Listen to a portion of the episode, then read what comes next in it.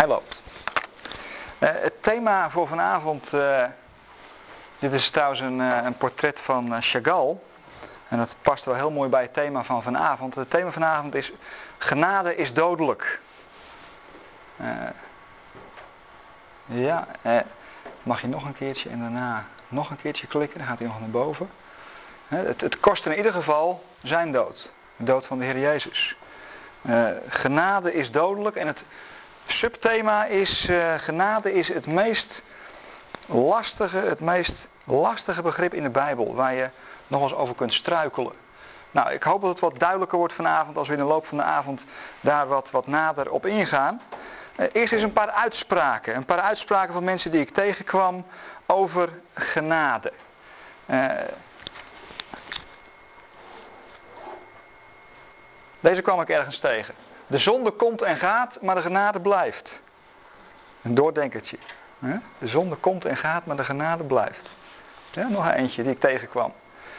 Genade is de gunst die je niet hoeft te verdienen. Ja, dat is misschien wel het, lastigste eraan. Want genade kun je namelijk ook niet verdienen. Eh, je, je kunt er eigenlijk niet zoveel voor doen, voor genade. Goedenavond. Uh, eerst wil ik... Uh, dit is een... Dit is een priester, deze meneer. Meneer Simmons. En meneer Simmons die heeft een paar boeken geschreven. Die heeft een hele bediening als het gaat over uh, uh, met mensen omgaan die wat problemen hebben. En uh, hij schreef het volgende over, over genade. Hij schreef, vele jaren geleden moest ik tot de conclusie komen dat de twee belangrijkste oorzaken voor de meeste problemen onder evangelische christenen de volgende zijn. Het niet kunnen begrijpen, ontvangen en leven vanuit Gods onvoorwaardelijke vergeving. En niet in staat zijn die onvoorwaardelijke liefde aan andere mensen te bewijzen. We lezen, horen en geloven de goede theologie van de genade, maar we leven er niet na. Het goede nieuws van de genade is niet doorgedrongen tot het terrein van onze emoties dat is nog weer een volgende stap die je dan moet gaan zetten. Als je al ziet wat genade is, eh, we zitten al heel snel weer in het voor wat hoort wat verhaal. En dan kun je jezelf genadeloos uh, beschuldigen. Dat is uh, meneer Siemens, die kwam ik tegen. Nog, nog een andere, deze meneer leefde iets langer geleden. dat ziet u al aan zijn foto. George MacDonald. En die George MacDonald die zei... De wereld kan vrijwel alles. Of zelfs beter dan de kerk. Je hoeft geen christen te zijn om huizen te kunnen bouwen, hongerigen te voeden of zieken te genezen. Er is slechts één ding wat de wereld niet kan doen. De wereld kan geen genade aanbieden. Want het heeft ze namelijk niet. Dat moet je ontvangen van buitenaf. Uh, nog een andere. We hebben nu uh, C.S. Lewis. C.S. Lewis is ietsje bekender, denk ik. Eh, ik, ik, ben zelf een beetje fan van hem, moet ik eerlijk zeggen. In onze boekenkast in huis is er één plank speciaal gereserveerd. Dat is allemaal C.S. Lewis. Uh, en C.S. Lewis die was eens op een conferentie. Uh, deze man leefde, is, is 1963 overleden. George MacDonald al meer dan 100 jaar daarvoor. En die was dus op een conferentie, van, er waren allemaal wetenschappers aanwezig en dat ging over godsdienstwetenschap. En daar debatteerden theologen uit de hele wereld. En de vraag was op die conferentie, wat maakt het christendom nu zo uniek? En is het christendom wel uniek ten opzichte van andere godsdiensten? En toen, toen ze daarover aan het discussiëren waren, toen liep C.S. Lewis binnen op die conferentie. En hij hoorde waar het over ging. En hij zei, beste mensen, dat is eenvoudig. Wat het christendom uniek maakt, dat is genade. Dat maakt het christendom uniek. En na wat verdere discussie moesten de conferentiegangers toegeven dat dit het juiste antwoord was. Het idee dat God ons zomaar zijn liefde schenkt zonder dat het ons iets kost en zonder dat daaraan voorwaarden worden gesteld. Dat, dat lijkt eigenlijk in te gaan tegen heel wat menselijke opvattingen. Uh, bijvoorbeeld uh, de acht stadia die een boeddhist moet doorlopen. Uh, met eh, of de hindoe-stelling dat je eerst je karma moet volmaken. En uh, een wiskundige heeft is berekend, dat moet Peter uh, aanspreken. Een wiskundige heeft is berekend dat een gemiddelde hindoe 6,8 miljoen incarnaties nodig zou moeten hebben om ooit het, het eeuwige te bereiken. Of, of de moslims die met hun, eh, met hun wetten en met hun onberekenbare Allah zitten.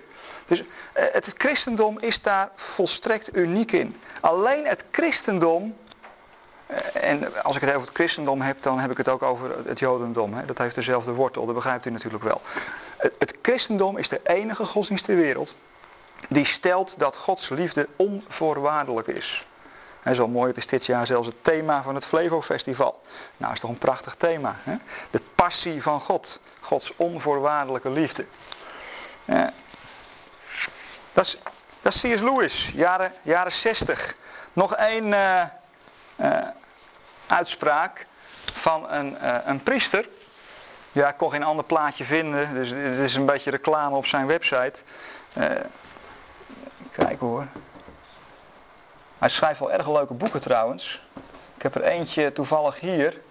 Uh, dit, is, dit zijn meest bekende. Between Noon and Three. Romans, Law and the Outrage of Grace. Uh, tussen, tussen 12 en 3. Over romantiek, over de wet. En uh, over het uitzonderlijke van de genade. Dit is half roman, half theologie. erg leuk om eens, eens te lezen komt misschien ooit nog eens in het Nederlands uit. Misschien is er nog eens een stichting of zo die dat wil uitgeven. dus, uh, en die Capone, die, die Capone die zegt het volgende. Hij zegt, de kerk heeft zoveel tijd besteed aan het imprenten om vooral geen fouten te maken, dat we soms lijken op slecht onderwezen pianoleerlingen. Uh, we spelen onze melodieën, maar we horen ze eigenlijk nooit echt, omdat het er ons niet om begonnen is muziek te maken, maar om fouten te voorkomen. Eh, we dienen ons zorgen te maken over die groep mensen die nog steeds gelooft dat ze God niet tegengekomen zijn omdat ze zich niet aan de regels hebben gehouden. Ze hebben nooit de melodie van het evangelie van genade gehoord. Dat is een mooie uitspraak hè. Uh, Geset. Wat is het nou, genade? Kijken we eerst naar uh, het Oude Testament. En het Oude Testament, het, het, belangrijkste begrip daar als je het hebt over genade, is het Hebreeuwse begrip geset. En dat uh, betekent zoiets als goedheid, vriendelijkheid, getrouwheid. Ik heb drie uh, teksten in hetzelfde boek is opgezocht die over geset gaan. En je vindt hier een hele wonderlijke combinatie van gedachten. Moet u eens met mij meelezen. In Jeremia 16, zoekt u het rustig op in de Bijbel. Ik zal het ook nog even opzoeken. Voor de context. Jeremia hoofdstuk 16.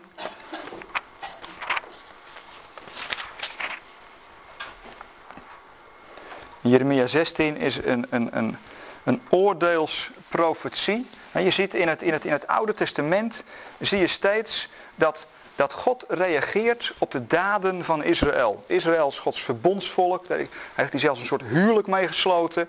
En, uh, en Israël krijgt de opdracht om heilig te leven. En dat lukt steeds maar niet. En, uh, en, en, soms volgen daarop hele harde uitspraken van de Heere God. Zoals bijvoorbeeld deze in Jeremia 16 vers 5. Want zo zegt de Heere, JHWH, Adonai. Gij moogt geen klaaghuis binnentreden.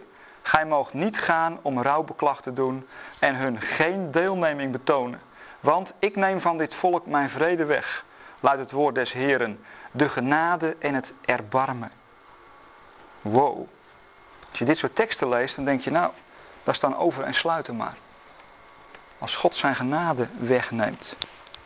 Dat kan toch niet? Ja, dat zie je soms gebeuren in de geschiedenis van Israël. Uh, maar als je nou zoiets leest, moet je niet stoppen, moet je doorlezen. Moet je doorlezen. En, en, dat, en dat zie je al in een boek als Jeremia. En dat zie je, dat is de rode draad door de hele Bijbel heen.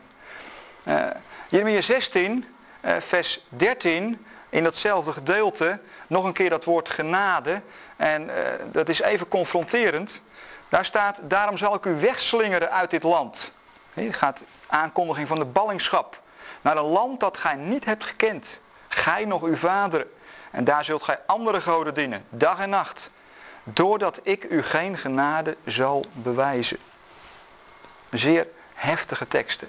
soms, uh, sommige mensen hebben het idee eh, nog steeds hoor, van ja, Israël wordt altijd maar voorgetrokken en eh, dat is niet eerlijk. Nou, God is akelig eerlijk tegen Israël.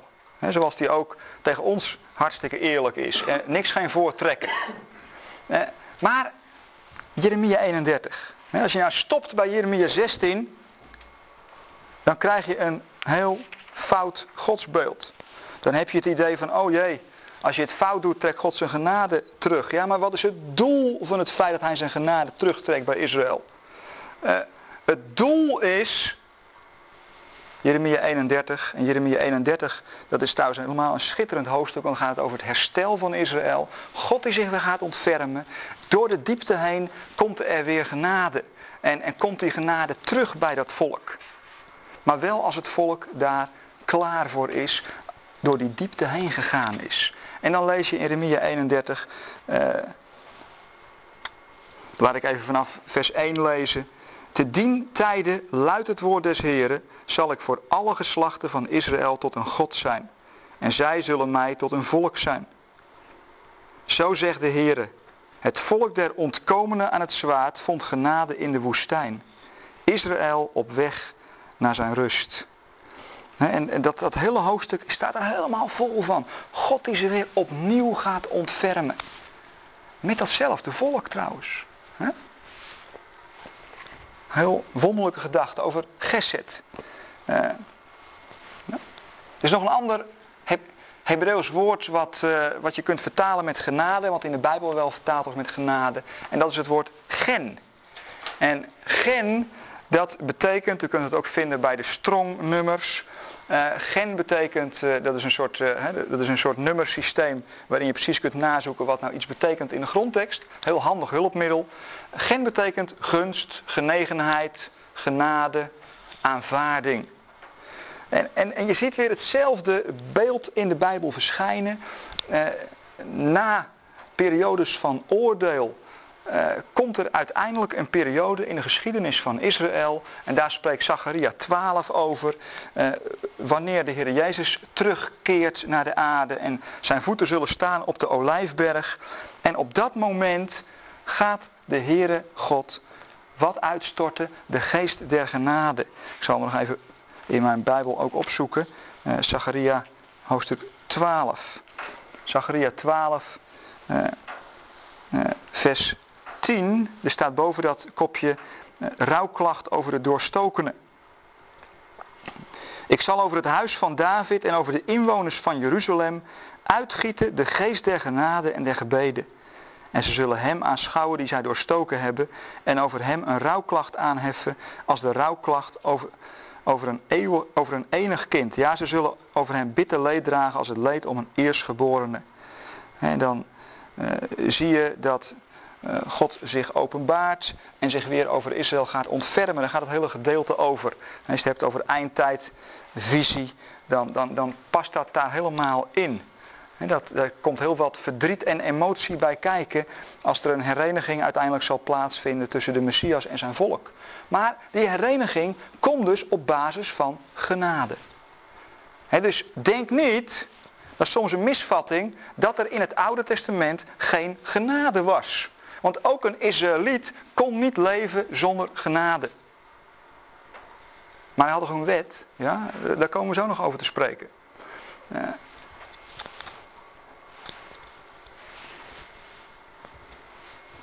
Deze meneer, nu, nu wordt het iets prikkelender. nu, nu zult u denken van ja, oké, dat is genade.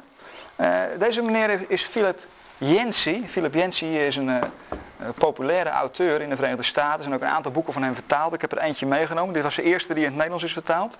Jezus zoals ik hem niet kende. Van Philip Yancey. Hij heeft nog een aantal meer boeken geschreven. Uh, hij heeft een boek geschreven over genade. Uh, daar heb ik uh, deze, dit citaat uitgehaald. Maar hij heeft ook, ook een boek geschreven over hoe christenen het Oude Testament kunnen gaan lezen. En over de onbekende God. dus hij is een, een bestseller auteur in de Verenigde Staten. even dat citaat van hem opzoeken. Philip Yancey die schrijft het volgende. Even kijken hoor. is de enige auteur waar ik de naam niet bij heb gezet. Dat is handig, hè? Dacht ik, nou die weet ik nog wel. Ja. Uh, ja, hier staat hij. Hij schrijft in zijn boek over genade. En, en nu gaat het ons al wat ergeren, denk ik. Maar dat moet ook, want anders is het niet het, het lastigste begrip in de Bijbel natuurlijk. Genade, schrijft hij, komt in zoveel gedaanten naar voren dat het moeilijk is haar te definiëren. Nou, daar zijn we al achter. Maar als getracht wordt het, het te definiëren, en nu gaat hij een poging wagen om een definitie van genade te geven, dan betekent genade dat we niets kunnen doen waardoor God ons meer zal gaan liefhebben. Nou, dat kan frustrerend zijn voor doe-het-zelvers. Want we willen zo graag dat hij ons lief heeft. Ja, maar dat heeft hij al. Eh, we kunnen niets doen waardoor God ons meer zal gaan liefhebben. Geen geestelijke oefeningen, geen ascese, geen kennis, waar dan ook opgedaan. Nee, ook dit is geen uitzondering.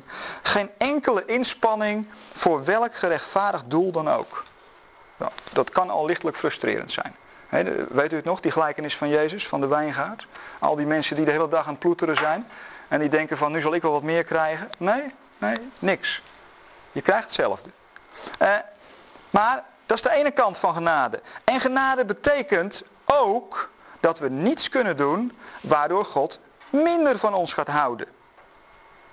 Nou, ik ben blij dat Philip Jensen dit schrijft. Moet u de klachten bij hem deponeren. Geen rassenhaat of hoogmoed, of pornografie, of overspel, of zelfs moord.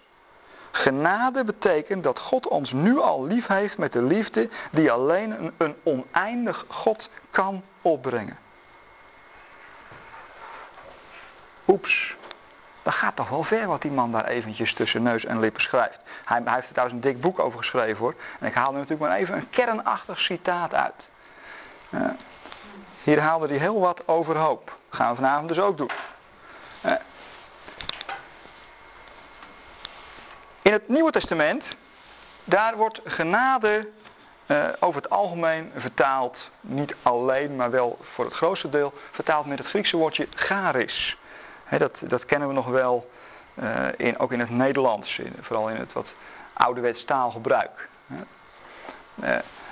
En het betekent heel wat. Een hele brede betekenis. Ik zal er wat uitlichten. Uh, de eerste betekenis is blijdschap, vreugde, genot.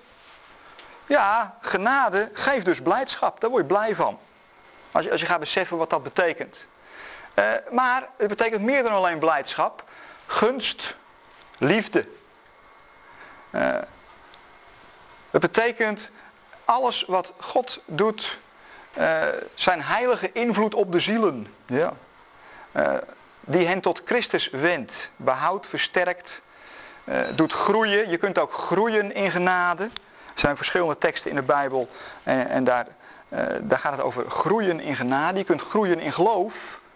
Ja, dat is waar. Groeien in vertrouwen. Maar als je groeit, groeit in vertrouwen, groei je ook in genade. Je, je, je gaat steeds meer, als je beseft hoe genadig God is, kun je zelf, leer je ook om, om zo zelf genadiger met andere mensen om te gaan. Uh, het, het, het, heeft dus ook effect op je eigen levensstijl. Dat gaan we straks nog wat zien bij wat citaten van Bonheuver onder andere. En van Karel Barth, hè, die uh, in de nazi-tijd ook leefde. het betekent nog meer de geestelijke toestand van iemand die door de macht van de goddelijke genade geregeerd wordt. Als Paulus zegt, Gods genade is met jullie, uh, ja, dan, dan staan wij dus ook echt onder die genade. De genade is ook een heerser. Uh, een genadegave, dank. Nou, een heel breed begrip is dat. Johannes 1. Want genade heeft natuurlijk alles te maken met de Heer Jezus. De Heer Jezus is eigenlijk de genade in hoogste eigen persoon, zou je wel kunnen zeggen. Uh, Johannes 1, vers 14. Johannes 1 is, uh, is, is een prachtig hoofdstuk trouwens, waar het, waar het gaat over uh, de logos. Het begint, Johannes 1 is eigenlijk een soort kopie van Genesis 1. En eh, in Johannes 1, daar, daar, daar lezen we dat, dat het woord, de Heer Jezus, al vanaf het begin bij de schepping betrokken was. Jezus is niet ergens binnenkomen wandelen, zo halverwege zo in het begin van het Nieuwe Testament. Nee, hij was er al vanaf Genesis 1, vers 1. Uh, Johannes 1, vers 14. Het woord is vlees geworden en het heeft onder ons gewoond. En wij hebben zijn heerlijkheid aanschouwd. Een heerlijkheid als van de enige geborene des vaders. Vol van genade en waarheid. En het gaat wat verder in Johannes 1. Eh, Johannes heeft van hem getuigd en heeft geroepen, zeggende: Deze was het van wie ik zeide: Die na mij komt, is voor mij geweest. Want hij was eer dan ik. Immers uit zijn volheid hebben wij alle ontvangen, zelfs genade op genade. Want de wet is door Mozes gegeven, de genade en de waarheid zijn door Jezus Christus gekomen. Niemand heeft ooit God gezien. De enige geboren zoon die aan de boezem des vaders is, die heeft hem doen kennen. je ziet hier eh, een tegenstelling. Die tegenstelling kom je vaker tegen in het, in het Nieuwe Testament. Die tegenstelling kom je trouwens ook tegen in het Oude Testament. De tegenstelling tussen wet en genade. bijvoorbeeld als, als, als eh, God uitroept van, uh, ik wil geen offeranden, maar ik wil dat je met je hart bij me bent. Dus eh, dat, ook dat is weer geen nieuw idee, maar Jezus legt er nog veel meer nadruk op, want hij is die genade. De wet is door Mozes gegeven. De Torah, de, de, de leefregels. Van als je zo leeft, dan zul je gelukkig zijn. Die leefregels zijn door Mozes gegeven. Maar de genade en de waarheid zijn door Jezus Christus gekomen. Waarom? Nou, Jezus was die waarheid in eigen persoon. Ik ben de weg, de waarheid en het leven. En Jezus die was de genade in eigen persoon. Want hij bracht die genade. Hij betaalde ervoor met zijn eigen leven en met zijn eigen bloed. dus dat, dat, daardoor kwam die genade. ik, weet, eh, ik heb nog een ander eh, boek even meegenomen. Eh, vooral voor de titel van Jerry Bridge. Genade, het faillissement van de mens en de goedheid van God. Ja, dat is ook zo'n prachtige samenvatting. Hè? Het faillissement van de mens. Eh, eerst, er, eerst kwamen de leefregels. En die leefregels, perfect. Alleen de mens, die kon zich daar niet aan houden. En eh, zelfs nog erger, met die leefregels ging hij ze zelfs meer overtreden. Hoe meer regels, hoe meer je kunt overtreden. En dat is ook, in elke cultuur is dat weer een probleem. Soms zeggen we, dat hebben we hier in de jaren 60 en eh, vooral in de jaren 60 en 70 gehad, zeiden minder regels. Vrijheid. Want vrijheid betekent toch blijheid? En nu zijn we er inmiddels achter, minder regels, ja, er moeten meer regels komen. En meer regels, meer overtredingen. Eh, en, en zo blijf je in die, in die spagaat zitten. Uh, de regels hebben ons niet kunnen redden. Waarom? Omdat we ze niet kunnen houden. En, en de genade en de waarheid. Maar die genade en waarheid, die worden pas echt geproefd als je stuk bent gelopen op de regels. Je, je merkt, je, je, merkt aan, aan, Jezus zegt ergens in, in het woord, dit komt even spontaan, dus sorry, dit heb ik niet op de, op de, op de, op de sheet staan. Eh, maar, maar Jezus, de Heer Jezus zegt ergens, komt allen tot mij die vermoeid en belast zijt. En ik zal u rust geven. Wonderlijk dat hij daar niet zegt, komt allen tot mij. Gek hè? Is je dat eens opgevallen? Jezus zegt daar niet, komt allen tot mij. Uh, doen we bijvoorbeeld denken, ik, ik heb ooit eens een paar jaar evangelische bijbelschool gedaan. Uh, de bijbelschool die nu in Veenendaal zit. En uh, gingen, wekelijks gingen we op Hoog Katerijnen evangeliseren. Moet u weten dat ik een, een lichtelijk introvert type ben. Ja, dat zou je nu niet zeggen. Nu, maar normaal wel hoor, echt waar. Op een uh, verjaardag doe ik mijn mond niet open. Maar ik ben een lichtelijk introvert type. En uh, wekelijks gingen we evangeliseren op Hoog Katerijnen. En ik, altijd met bibberende knieën, want ik vond het... Uh, maar goed, het was ook wel weer goed. Het was ook wel weer leuk. Maar wat merkte ik daar? Die uitspraak van Jezus die is haarscherp. Komt alle tot mij die vermoeid en belast zijn. Wat voor soort mensen bereikten we daar? Niet de successtories. Die liepen langs. Nee, die figuren bereikten we die inderdaad vermoeid en belast waren. Die al, die, met, de, met de problemen. Die, die, eh, eh, en, en, en die stonden er open voor. En het was niks anders nu als toen in de dagen van de Heer Jezus. Wat voor soort volgelingen had hij? Hoeren, tollenaars. Het is trouwens verontrustend dat hij nu in grote getalen de kerk terug toekeren. Doen we wat fout? Maar dat waren de grootste fans van Jezus. Hoeren, tollenaars, mensen aan de zelfkant van de samenleving. En Jezus had altijd ruzie met de religieuze autoriteiten. Hij lag altijd in de clinch. Als ze al met hem wilden praten, kwamen ze s'nachts. Want dan werden ze tenminste niet gezien dat ze bij de Jezus op bezoek waren geweest. de, eh, de wet is door Mozes gegeven. De genade en de waarheid zijn door Jezus Christus gekomen. Maar kennelijk faillissement van de mens en de goedheid van God. Zolang je als mens nog niet failliet bent, heb je nog geen behoefte aan genade. Uh, en, en dan zul je uh, je ook behoorlijk ergeren uh, als er puur genade wordt gepredikt. Dan denk je van ja, lekker makkelijk zeg. Ik een beetje mijn best doen en, en, en, jij zegt ja. Nou, daar moet ik niet zijn. Nee, dan moet je naar de gamma of zo. Daar kun je het allemaal zelf doen. Maar, maar dat, is, dat, is, dat is het irritante van genade. Dat is heel irritant. Als je denkt dat je het nog zelf kunt doen. Want dan ben je nog niet failliet. Als je nog niet failliet verklaard bent, dan moet je nog even volhouden. En dan kom je er vanzelf aan toe. Uh,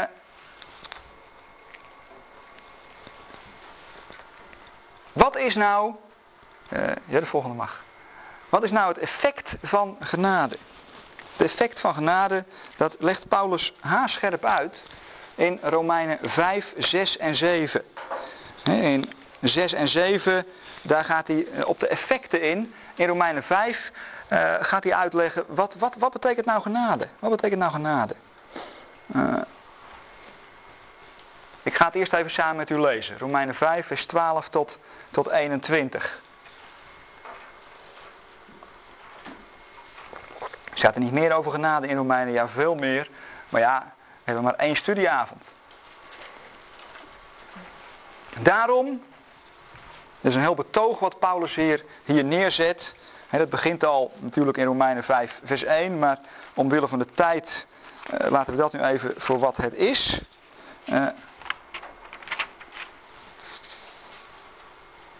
Daarom, gelijk door één mens de zonde de wereld is binnengekomen en door de zonde de dood, zo is ook de dood tot alle mensen doorgegaan, omdat allen gezondigd hebben. Dus uh, Paulus die, die legt hier een, een, een vergelijking neer. Er is één mens en dat is Adam. En door Adam is de zonde in de wereld binnengekomen. En, en zonde, dan moet je denken aan, wat is nou zonde? Eh, nou, dat, daar moeten we zeker een keer een aparte studieavond over beleggen, maar dat is niet deze avond. Dan hebben we er weer één te pakken. Uh, zonde, je doel missen. En als je je doel mist, dan ga je richten op andere doelen. En dan kun je ook zomaar eens helemaal gaan afwijken en allerlei vreemde dingen gaan doen. En dat kan van kwaad tot erger gaan. Dus de zonde is in de wereld gekomen door één mens. En door die zonde zijn we sterfelijk geworden. Het, klinkt wat vervelend, maar we zijn natuurlijk eigenlijk allemaal ongeneeslijk ziek. Uh, alleen, het kan wat langer duren of wat korter duren. We zijn sterfelijk. En dat is natuurlijk dramatisch. En die, en die dood, die sterfelijkheid, is tot alle mensen doorgegaan omdat allen gezondigd hebben. En dan gaat Paulus wat rustig verder opbouwen. In vers 13, want reeds voor de wet, voordat de Torah kwam, was er zonde in de wereld. Uh, maar zonde wordt niet toegerekend als er geen wet is. Nee, daar hebben we het net over gehad. Hè? Hoe minder regels, hoe minder je kunt overtreden. Toch heeft de dood als koning geheerst van Adam tot Mozes. En uh, hier hebben we het over 26 generaties. Er hebben 26 generaties mensen op deze planeet aarde gewoond. En in die tijd was er geen wet. Uh, maar die mensen gingen wel dood. Want ze zondigden wel. Ook over hen die niet gezondigd hadden op een gelijke wijze als Adam overtrad, die een beeld is van de komende. dus de zonde was er wel, maar het werd niet onderkend, want er was geen Torah. Er was nog geen licht van de Torah. Er was geen lamp om duidelijk te kunnen onderscheiden tussen goed en kwaad. Het was allemaal nog een beetje schemerachtig, zou je kunnen zeggen. Alleen Adam kon wel overtreden, want Adam had wel een gebod wat hij kon overtreden. En die had dat ook overtreden. Nou, wat ik er hier trouwens mooi aan vind is hè, dat Adam, eh, soms heb je zo'n traditioneel beeld van ja Adam, de, de, daar is misgegaan. En Christus, dat is de tegenpool van Adam. En, en die, komt, die komt zoveel mogelijk goed maken wat Adam heeft verpest. Eh, dat hebben zo. Maar hier staat Adam is een beeld van de komende. Dus eh, is u het wel eens opgevallen? Adam is een beeld van de koningen, van de komende. Adam en Christus, dat is zwart-wit, soms wordt gezegd. Adam is de ellende en Christus is de verlossing. En in bepaalde zin zit er natuurlijk wel wat in. Maar Paulus gaat toch een andere lijn trekken dan die lijn. Zwart-wit. Paulus die zet Adam en Christus niet tegenover elkaar, maar hij zet ze in elkaars verlengde. Hij, je, hij zegt, Adam dat is een type, dat is een beeld van Christus. Uh, Paulus zegt eigenlijk als je Adam ziet, dan krijg je een soort type, een soort prototype van de komende.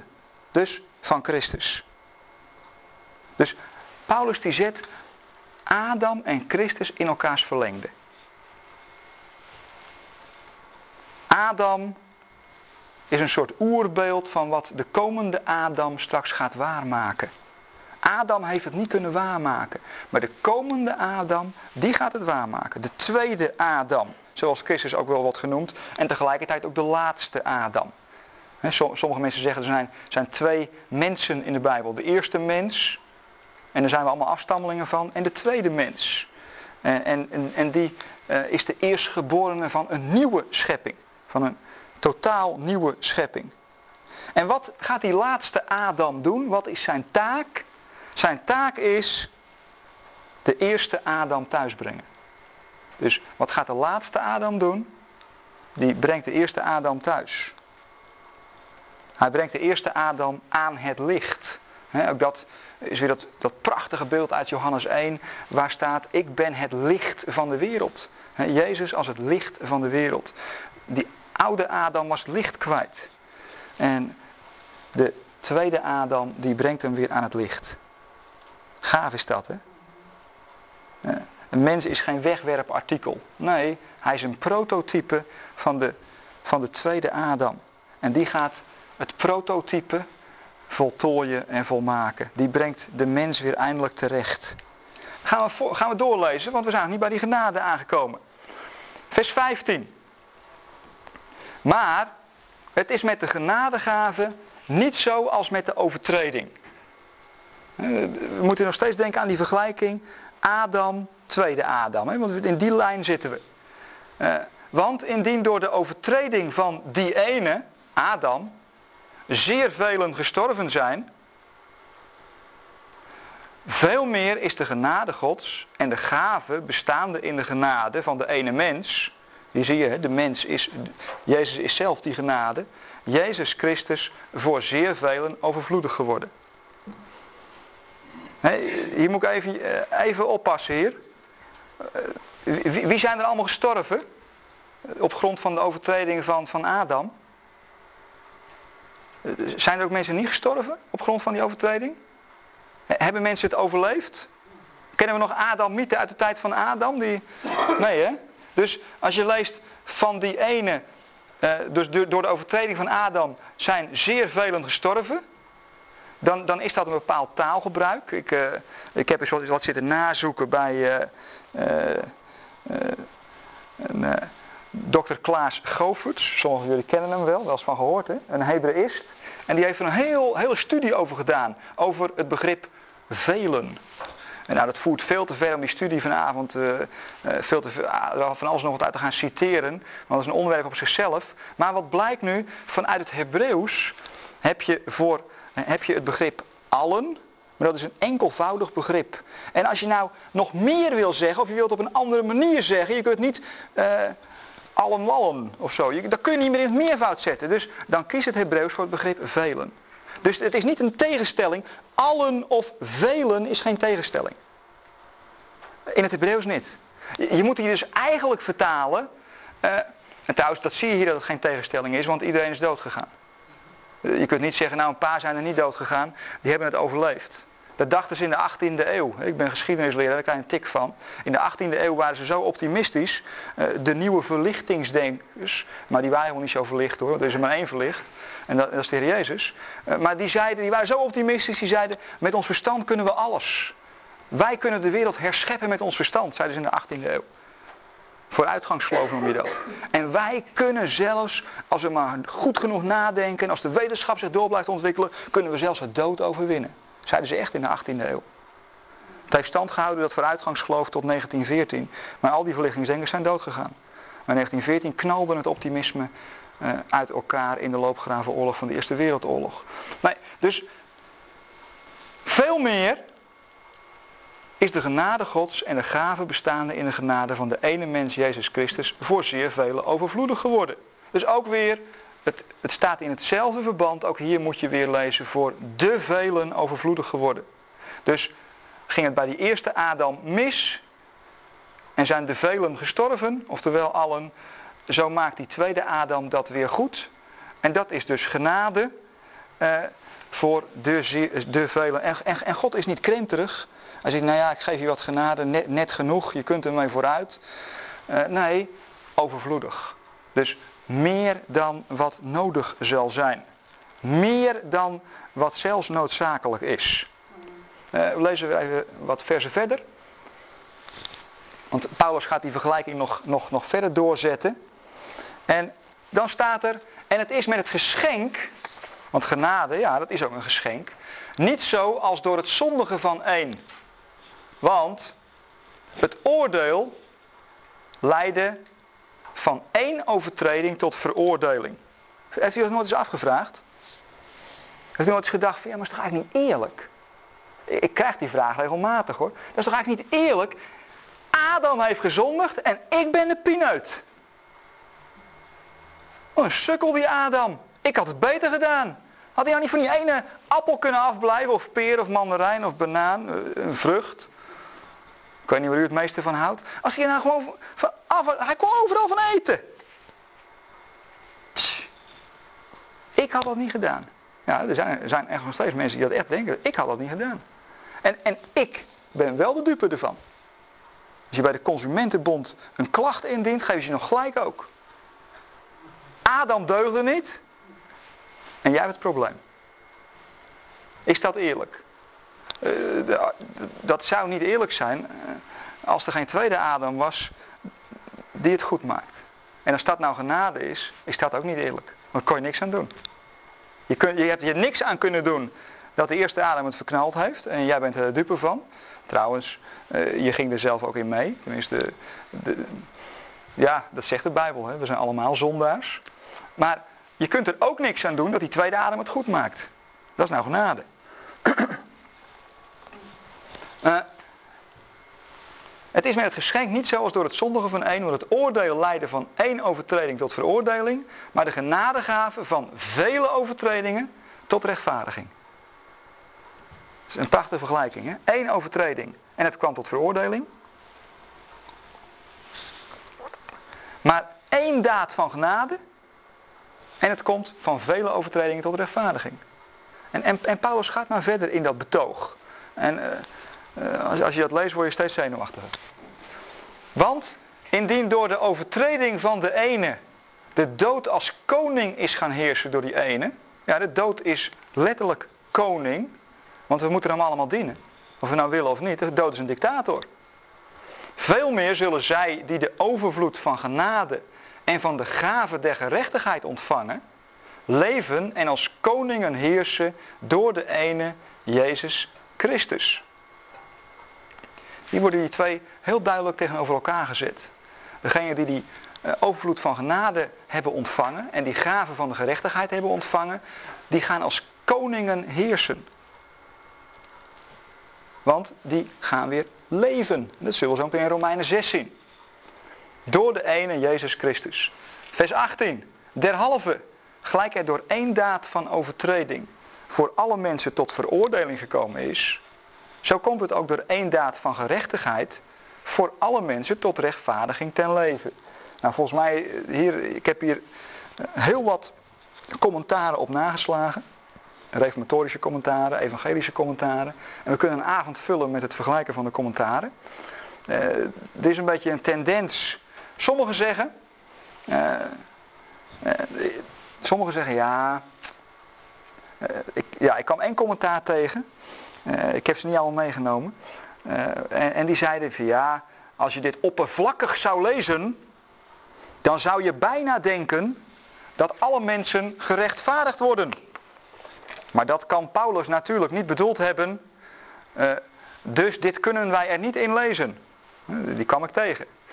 Uh, anderen die zeggen, ja, wacht eens even.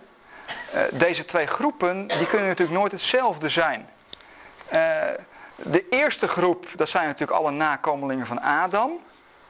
En die tweede groep, dat zijn natuurlijk alle gelovigen. want, want, want die mensen komen tot rechtvaardiging te leven. zijn alle gelovigen. Die oplossing kom je ook soms tegen. Maar ja, als je het nou gewoon eens leest zoals er staat. Gelijk, want het is toch genade? Toch? Uh, genade, dat krijg je toch voor niks? Ja, maar gaat het dan, heeft dat dan niks met geloof te maken? Moet je dan niet tot geloof komen? Jawel, dat moet.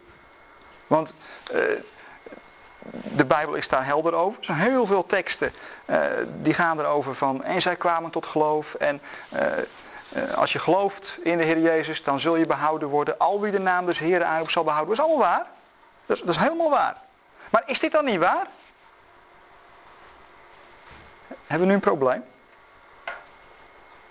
Zou het allebei waar kunnen zijn? Waarom niet? Houd het even in uw gedachten. Ik, ik lees het gewoon eens even zoals er staat derhalve gelijk het door één daad van overtreding voor alle mensen tot veroordeling gekomen is. Dit nemen we altijd letterlijk. We zeggen niet, nee joh, hier moet je de, hier moet je de moslims uithalen, want die, die komen er wel op hun eigen manier. Nee, het, voor alle mensen tot veroordeling. Of je nou moslim bent of boeddhist, of je bent gewoon een, een, een simpele uh, Nederlandse materialist, of maakt niet uit wat je bent, uh, je wordt veroordeeld. Nou, daar kun je niks aan doen. En dat is irritant en daar kun je boos over worden. Klachten indienen. Zo komt het ook door één daad van gerechtigheid voor alle mensen tot rechtvaardiging ten leven. Waarom moeten we daar dan moeilijk over doen? Het staat notabene in hetzelfde zinsverband. Dus je moet wel een, een woordgoochelaar zijn, uh, een, een kunstenaar, om die twee uit elkaar te gaan trekken. Paulus zou er niks meer van begrijpen, denk ik. Vers 19. Want gelijk door de ongehoorzaamheid van één mens, zeer velen, en hier moet je dus eigenlijk weer de velen lezen, want we hebben het net over gehad, de velen zondaren geworden zijn, zo zullen ook door de gehoorzaamheid van één, de velen rechtvaardiger worden. Ik laat expres dat begrip rechtvaardig en gerechtvaardig even liggen, want daar hebben we een apart studieavond over. We gaan nog een aparte studieavond uh, houden, volgens mij is dat de volgende studieavond, hè, over het begrip gerechtigheid in de Bijbel.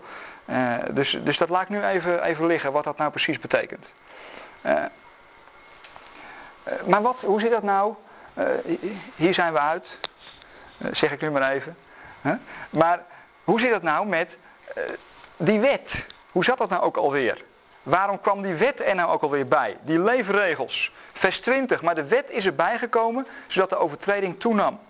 Waar evenwel de zonde toenam, is de genade meer dan overvloedig geworden. je ziet steeds hier die tegenstelling tussen zonde aan de ene kant en tussen genade aan de andere kant. Uh, vele overtredingen.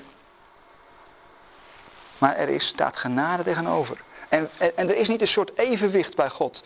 Wat zal het winnen? Zal de zonde het winnen? Zullen de overtredingen het winnen? Een soort weegschaal. Nee, je hebt het overwicht van de genade. De zonde maakt geen schijn van kans tegen de genade. Je moet het afleggen op alle fronten. Opdat gelijk de zonde als koning heerste in de dood, zou ook de genade zou heersen door rechtvaardigheid ten eeuwige leven, door Jezus Christus onze Here. Eh, wacht eens even. Er zijn dus op dit moment twee heersers. Er zijn twee heersers. Aan de ene kant de zonde. Uh, en die heerst in de dood. Ja, dat klopt. Want op dit moment, als je, als je niet in de, Heer, in de Heer Jezus gelooft, dan noemt de Bijbel jou dood. Uh, lees bijvoorbeeld Efeze 2. Je bent dood in je overtredingen. Uh, je bent verduisterd in je verstand, Romeinen 1. Dus dat is gewoon je situatie. Uh, maar zodra je deel krijgt door geloof uh, aan, uh, aan die rechtvaardiging, daar hebben wij nu al deel aan. Heel veel mensen hebben daar nog geen deel aan. Waarom niet? Omdat ze nog dood zijn. wij zijn nu onder een andere heerser gekomen. Onder welke heerser dan? Onder de heerser die heet genade. Nou wil je een mooie heerser hebben. Onder de heerser die heet genade. Ja, wacht eens even. Wacht eens even. Maar dit wordt wel een beetje erg goedkoop, uh, Hogendijk, wat je nu vertelt. Ja, maar het staat toch in de Bijbel? Ja, er staat wel meer in de Bijbel. Maar uh, dit wordt een beetje goedkoop, want dan kun je dus zomaar aanrommelen. Dus het maakt niet uit wat je doet, want ja, Jezus is toch genadig. Eén daad van gerechtigheid en het komt allemaal voor elkaar. Dan kun je dus maar aanrommelen. Hoe zit dat dan? Uh, uh, dit is meneer Bonheuver. Ik heb een citaat van hem. Uh, even ertussendoor. Want is dat nou zo? Ga je dan zomaar aanrommelen? Als je die genade in je leven toelaat en je gaat zo ook naar andere mensen kijken. Uh, en, en, je gaat dat evangelie op die manier ervaren. Ga je dan aanrommelen? Ga je dan aanrommelen? Bonheuver die schreef. Uh, het heeft hier een klein beetje mee te maken. Uh, want hoe ga je dan om met mensen die anders denken? Mensen die vijandig staan ten opzichte van het evangelie. Uh, die nog niet het zien. Hij leefde in de tijd van de nazi's. Hij is ook in een kamp omgekomen in Duitsland. En hij schreef, door middel van het gebed gaan we naar onze vijand. Dan moeten we even bedenken dat, dat zijn vijand waren de nazi's. Gaan we naast hem staan en pleiten voor hem bij God. Jezus belooft ons niet dat als we onze vijanden zegenen en hun goed doen, zij ons niet boosaardig zullen behandelen en vervolgen. Dat zullen ze ongetwijfeld wel doen. Maar zolang wij voor hem bidden, kan zelfs dat ons niet kwetsen of overwinnen. Wij doen plaatsbekledend voor hen wat ze zelf niet kunnen doen. Wow. Hij heeft die genade laten werken in zijn leven. En hij is zelfs zo naar die naties gaan kijken. Uh, toen werd aan hem gevraagd van Bonhoeffer, waarom, waarom ga jij voor je vervolgers bidden? En daar gaf hij het volgende antwoord op, Bonhoeffer. God heeft zijn vijanden lief. En zoals iedere volgeling van Jezus weet, is dat de heerlijkheid van zijn liefde. Als God onze schulden vergeeft, waarom kunnen wij dan niet hetzelfde doen? Alleen door in de stroom van Gods genade te leven, zal ik de kracht vinden om in genade met anderen om te gaan. Hè? De kracht van genade. Hierin kun je ook een beetje zien dat genade niet iets zoetsappigs is. Een aai over je bol, genade, dat geeft je kracht om te leven.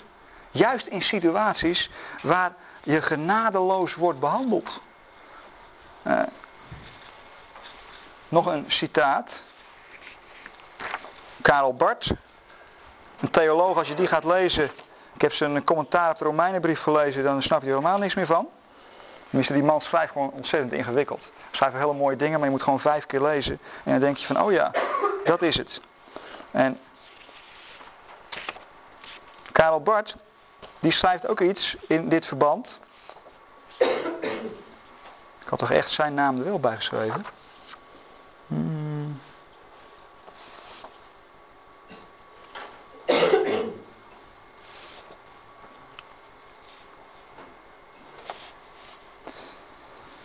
Dit is die.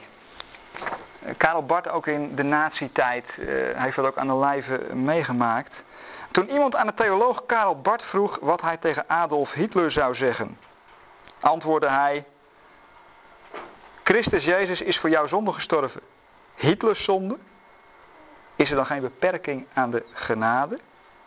Uh, en toen citeerde Karel Barth wat Paulus schreef. En zei, Paulus werd nooit moe dat wonder van vergeving te beschrijven. Uh, een citaat van Paulus uit 1 Timotheus 1. Hoewel ik vroeger een godslasteraar en een vervolger en geweldenaar was, maar mij is ontferming bewezen, omdat ik het in mijn onwetendheid uit ongeloof gedaan heb. En zeer overvloedig is de genade van onze Heer geweest, met het geloof en de liefde in Christus Jezus.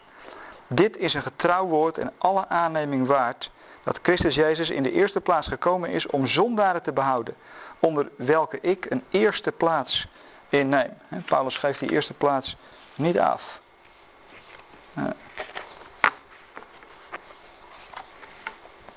Nog twee teksten die heel kernachtig aangeven wat genade is. En ze zijn allebei eenzijdig. Ik ben het helemaal met je eens. Als u dat denkt. Maar doe bewust, want het gaat erom, wat is nou genade? Wat is dat nou? Eerst uit Titus, we zoeken hem even op. Uh, Titus, de brief van Paulus aan Titus. Na Timotheus komt Titus. En Titus die is op Kreta en daar is hij zeer actief bezig. En Paulus schrijft het volgende aan hem. Ik lees even vanaf vers 9. De slaven moeten hun meesters onderdanig zijn in alles. Het hun naar de zin maken, zonder tegenspraak of oneerlijkheid. Maar alle goede trouw bewijzen om de leer van God onze heiland in alles tot sieraad te strekken. Want de genade gods, die gaat ook weer over dat begrip genade, is verschenen. Hoe dan? Hoe dan? Nou, in de persoon van de Heer Jezus. Heilbrengend voor alle mensen. En, en waarom dan? Wat, wat, wat, wat doet dat ons dan? Nou, dit, dit, dit, dit vers gaat verder. Om ons op te voeden. Dus genade als heerser, genade als opvoeder.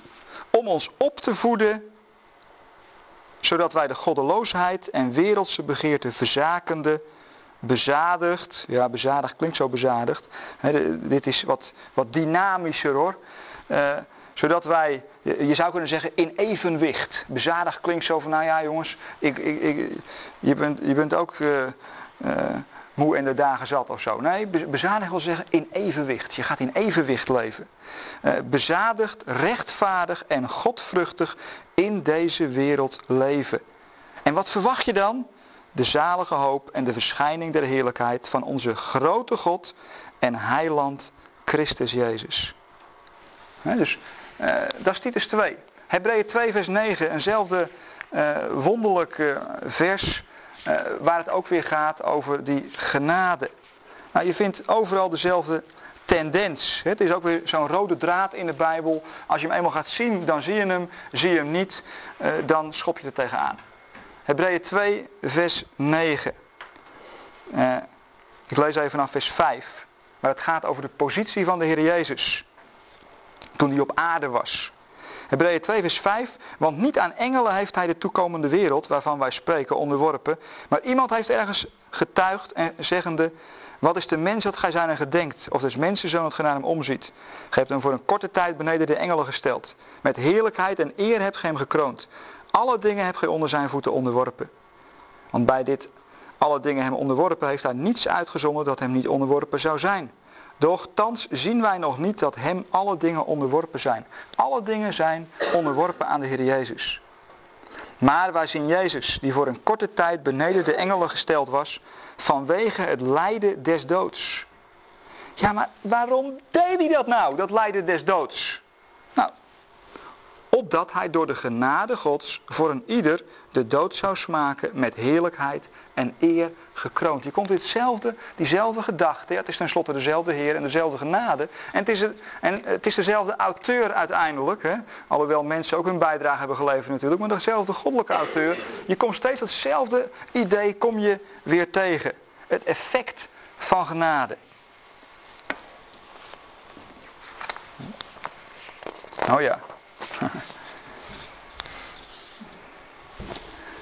Dit is, uh, als u ooit nog eens uh, een, een, uh, een, boek wil lezen wat, wat zeer humoristisch is, van een Amerikaanse bijbelleraar, maar ook erg scherp en soms zoals Amerikanen alleen maar kunnen schrijven. als je dit in, in, het Nederlands zou gaan uitgeven, dan denk je, man, je bent een echte Amerikaan. Ja, dat klopt ook, want hij is ook een echte Amerikaan. ik kwam bij hem over genade het volgende zogenaamde interview tegen. En ik wil je dat niet onthouden. Eh, dan begrijpt u gelijk waarom het eh, eh, humoristisch is, maar ook waarom het soms wat confronterend is. Het is een, interview tussen een reporter, een verslaggever en tussen een mevrouw die Sally heet. Ik vertaal het spontaan even uit het Engels, dus het gaat misschien even wat hortend en stotend. Sally, hier is de reporter aan het woord, ik ben een van die mensen die op zoek zijn naar God. Op dit moment ben ik me aan het oriënteren op de christelijke godsdienst. Maar is het waar dat Jezus uh, uh, kwam om de zonde van de wereld weg te nemen? Ik denk hier uh, aan Johannes 1 vers 29. want zonde houdt toch nog steeds miljoenen gescheiden van God tot in eeuwigheid. daar heb ik problemen mee. Sally. Ja, dat is waar Jim. Mensen die moeten Jezus vragen om vergeving, want anders dan blijven hun zonden ze voor eeuwig achtervolgen reporter. Zo, Jezus heeft niet echt de zonde van de wereld weggenomen. Eh, Sally, ja, hij deed het en hij deed het niet. Reporter, kun je me dat uitleggen? Sally, natuurlijk. Hij neemt de zonde weg van mensen die hem erom vragen. En hij doet het niet voor mensen die erom niet om vragen. Reporter. Maar dat vers in Johannes 1 zegt dat hij het voor de wereld deed. Het zegt, uh, kijk, het lam van God die de zonde van de wereld wegneemt. Sally, ja. Ik weet dat dat er staat, maar dat is niet wat het betekent. Reporter, hoezo? Uh, Sally, dat is een christelijk mysterie.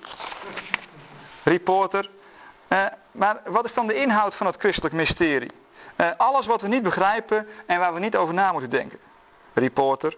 Uh, ik, heb ik heb gehoord dat Jezus kwam om het werk van de duivel te ontbinden. Alle kwaad, dat interesseert me. Sally, ja, ik hou van die waarheid. Je denkt aan 1 Johannes 3 vers 8. Reporter, ja, maar is het ook niet waar, volgens jouw geloof, dat de duivel het grootste deel van de mensheid naar de hel leidt? waar ze voor eeuwig vervloekt zullen worden? Sally, ja, reporter. Maar als de duivel dit doet, hoe zit het dan dat Jezus zijn werk ongedaan heeft gemaakt? Sally, zit wat aan de oren. Amazing grace. Reporter, Sally, nee, dit is serieus. Ik, ik wil je vragen iets over mijn nichtje. En Sally zegt, ja, oké, vraag maar. Reporter, mijn nichtje Judy was een zeer liefdevol persoon. En mijn broer en zijn vrouw, die lazen bijbelverhalen aan haar voor als kind. En ze namen haar mee naar de kerk. En op een avond, drie maanden geleden, eh, vroegen ze aan haar of ze al een persoonlijke keuze had gemaakt voor de Heer Jezus. En ze zei, en mijn broer zal het nooit vergeten, nee, nog niet. Sally, diezelfde avond, werd mijn, nicht, werd mijn nichtje uh, verongelukte mijn nichtje in een auto-ongeluk. Sally, vreselijk. Het spijt me zeer. Hoe oud was ze? Reporter, 15. Ah, ik vind het erg om dat te horen. Waarom? Nou, als ze nou 11 was geweest of 12, dan had ze misschien een kans gehad.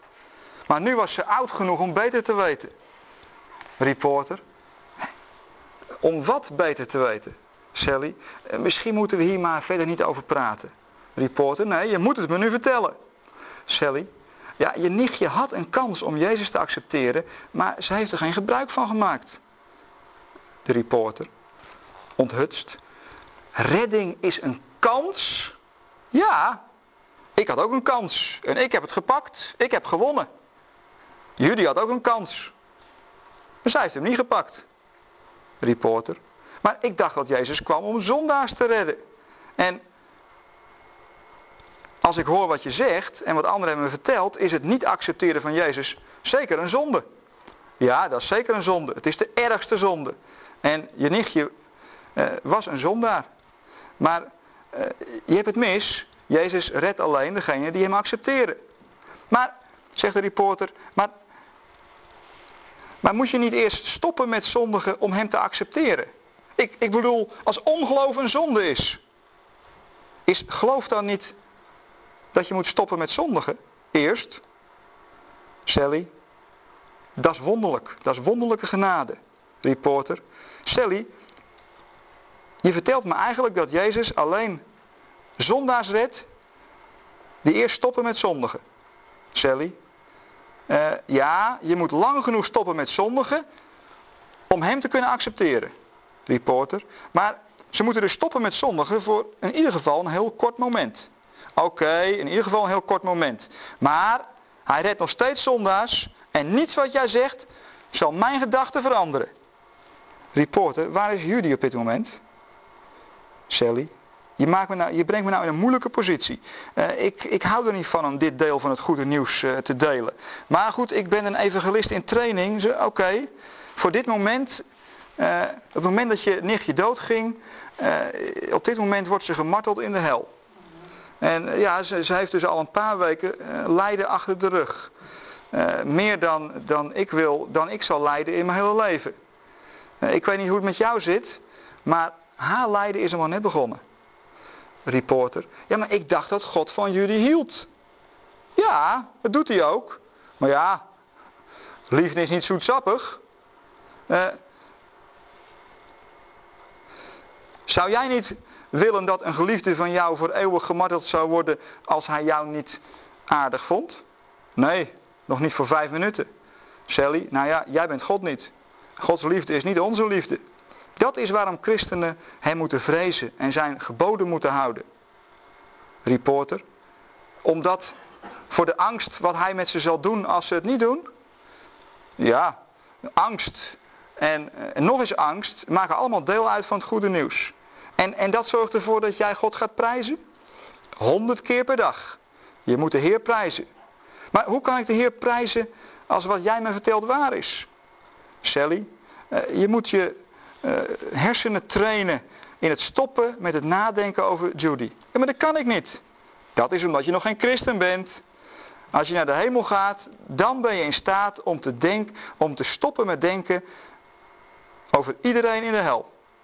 Is dat niet fantastisch? En ik oefen het nu alvast. Je moet echt Jezus accepteren. Hij is een wonderlijke redder. Wonderlijk. Het, het, ik geloof niet dat hij zoveel goed werk heeft gedaan tot nu toe. Dat mag je niet zeggen. Reporter, jouw doctrine is, is, maakt me erg nerveus. Dit zogenaamd goede nieuws brengt me geen vrede. Het, het maakt me upset. Upset, hoe zeg je dat in het Nederlands? Uh, overstuur en kwaad. Wat? Ja, haal dan je vingers uit je oren. Dat, dat, dat, dat goede nieuws van jou zorg dat ik me niet erg goed voel. Het, trekt me niet naar God toe. Ja, dat is ook omdat je nog geen christen bent. Je moet eerst Jezus accepteren en je kunt beter een beetje opschieten voordat je doodgaat. Maar, reporter, maar accepteert Jezus mij? Is Jezus mijn redder? Sally, het hangt er vanaf. Het hangt waar vanaf? Het hangt er vanaf of je gelooft of niet dat hij je redder is. Maar hij is, hij is niet mijn redder totdat ik het geloof. Dat klopt. Maar Waarom zou ik iets geloven wat niet waar is? Hè? Je zei net dat totdat ik geloof, Jezus mijn redder niet is. Maar hoe kan ik nou iets geloven wat niet waar is? Ja, maar het is waar. Wat is waar? Jezus is jouw redder. Oh, dat is snel. Hij heeft hij zijn gedachten veranderd. Maar laat me nou kiezen wat ik ga geloven of niet. Sally, nee, je snapt het niet. Als je niet gelooft, is hij niet je redder.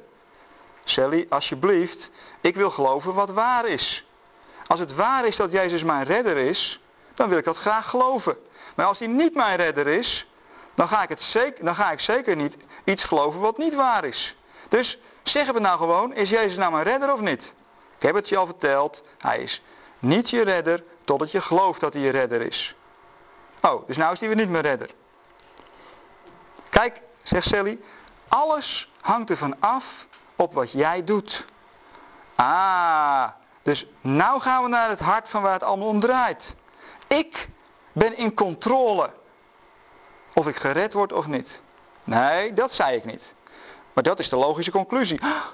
Logica is van de duivel.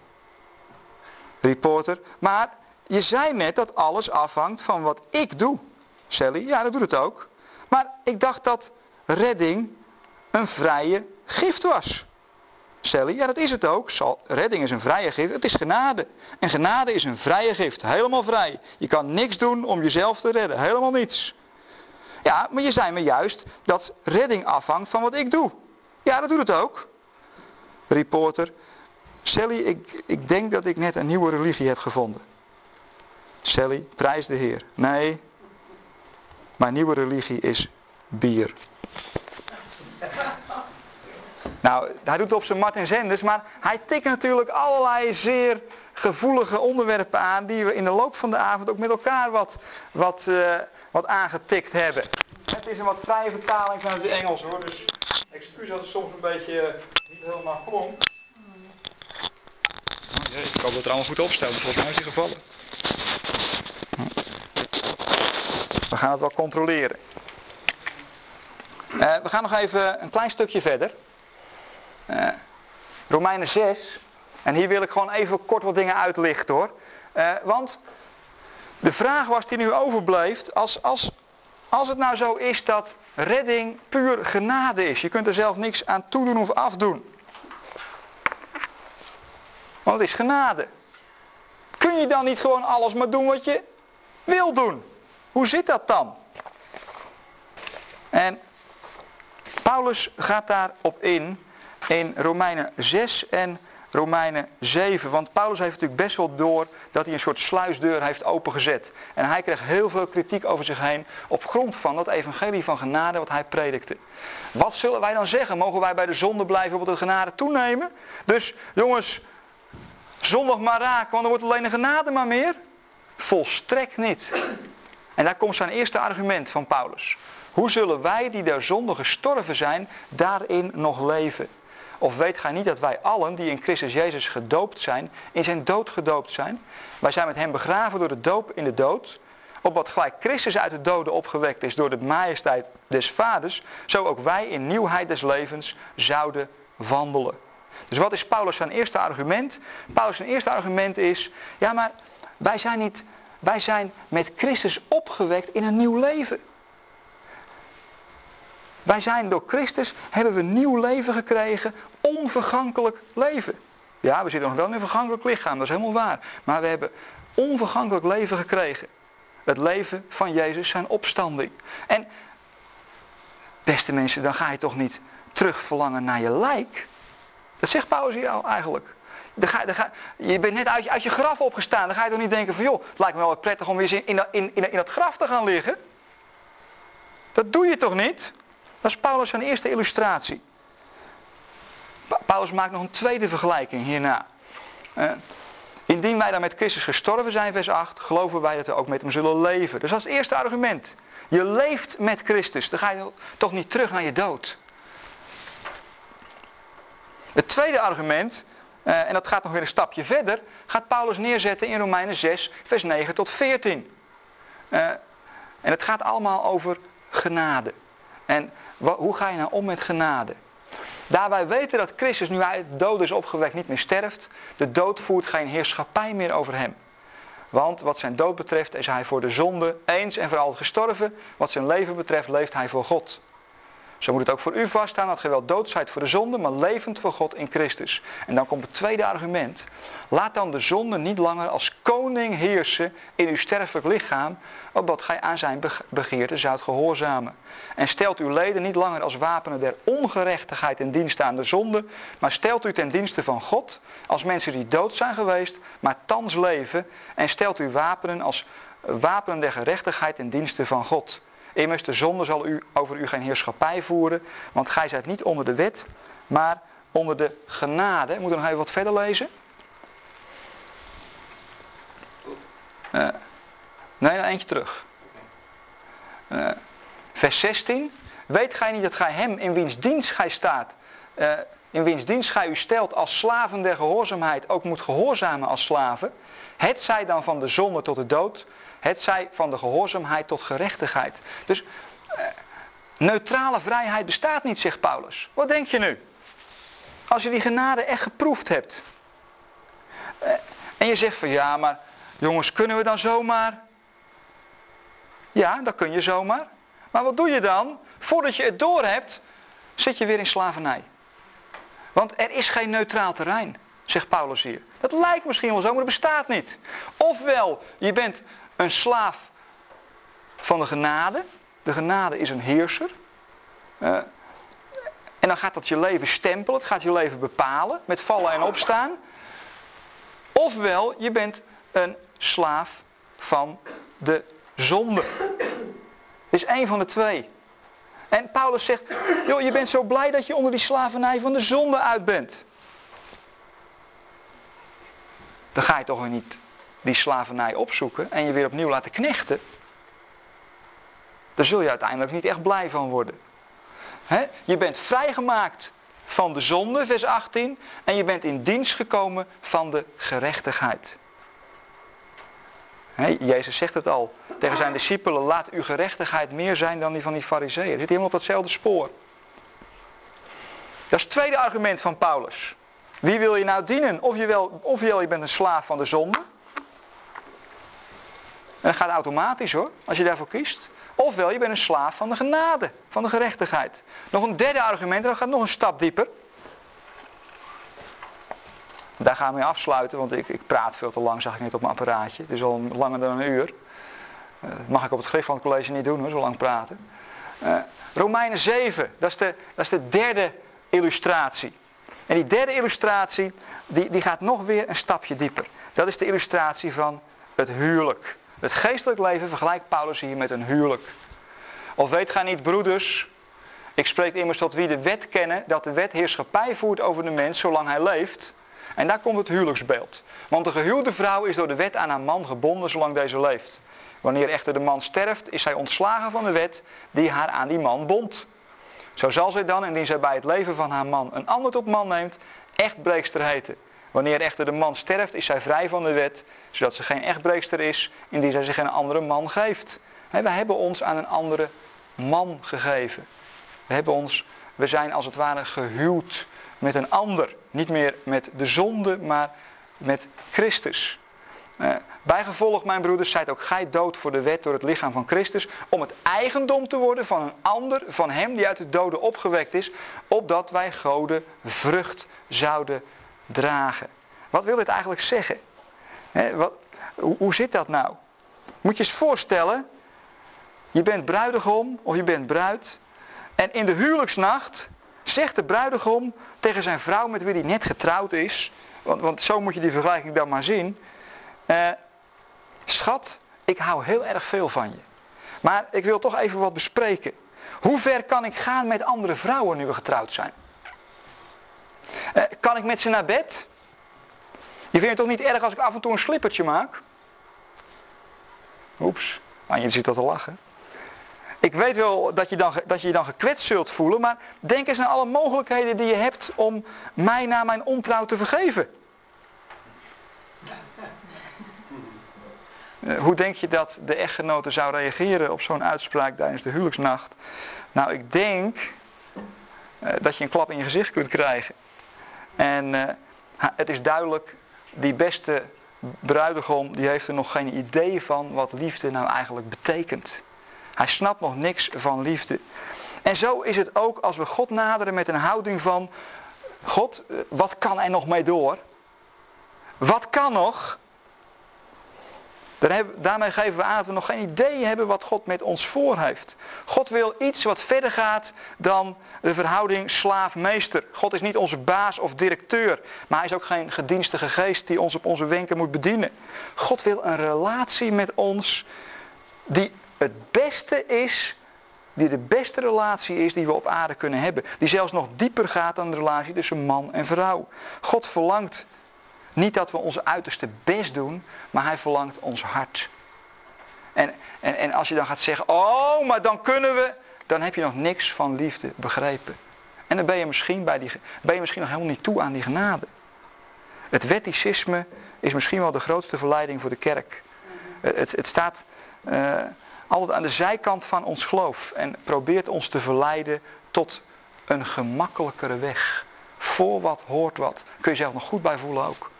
Genade, ja, dat moet je maar van een ander hebben. In vrijheid levend, openstaan voor de leiding van de Heilige Geest, kunnen we leven onder de genade. En hier ga ik een punt zetten. We gaan uh, een kopje koffie drinken.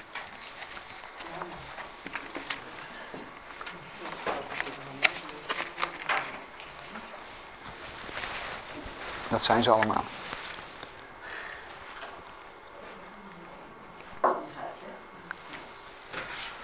Ja, koffie is in de andere zaal. Dan mogen hier geen